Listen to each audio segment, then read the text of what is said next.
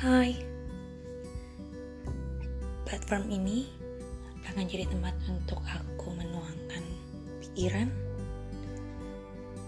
Mengeluh Meluapkan emosi Bercerita tentang apa pun Dan tentu saja berbicara. Maka dari itu Sebelumnya Aku minta maaf ya Kalau nanti saat kamu mendengarkannya, ada kata yang menyinggung rasa. Kamu tahu, aku tidak sengaja. Dan terima kasih juga sudah meluangkan untuk mendengarkan.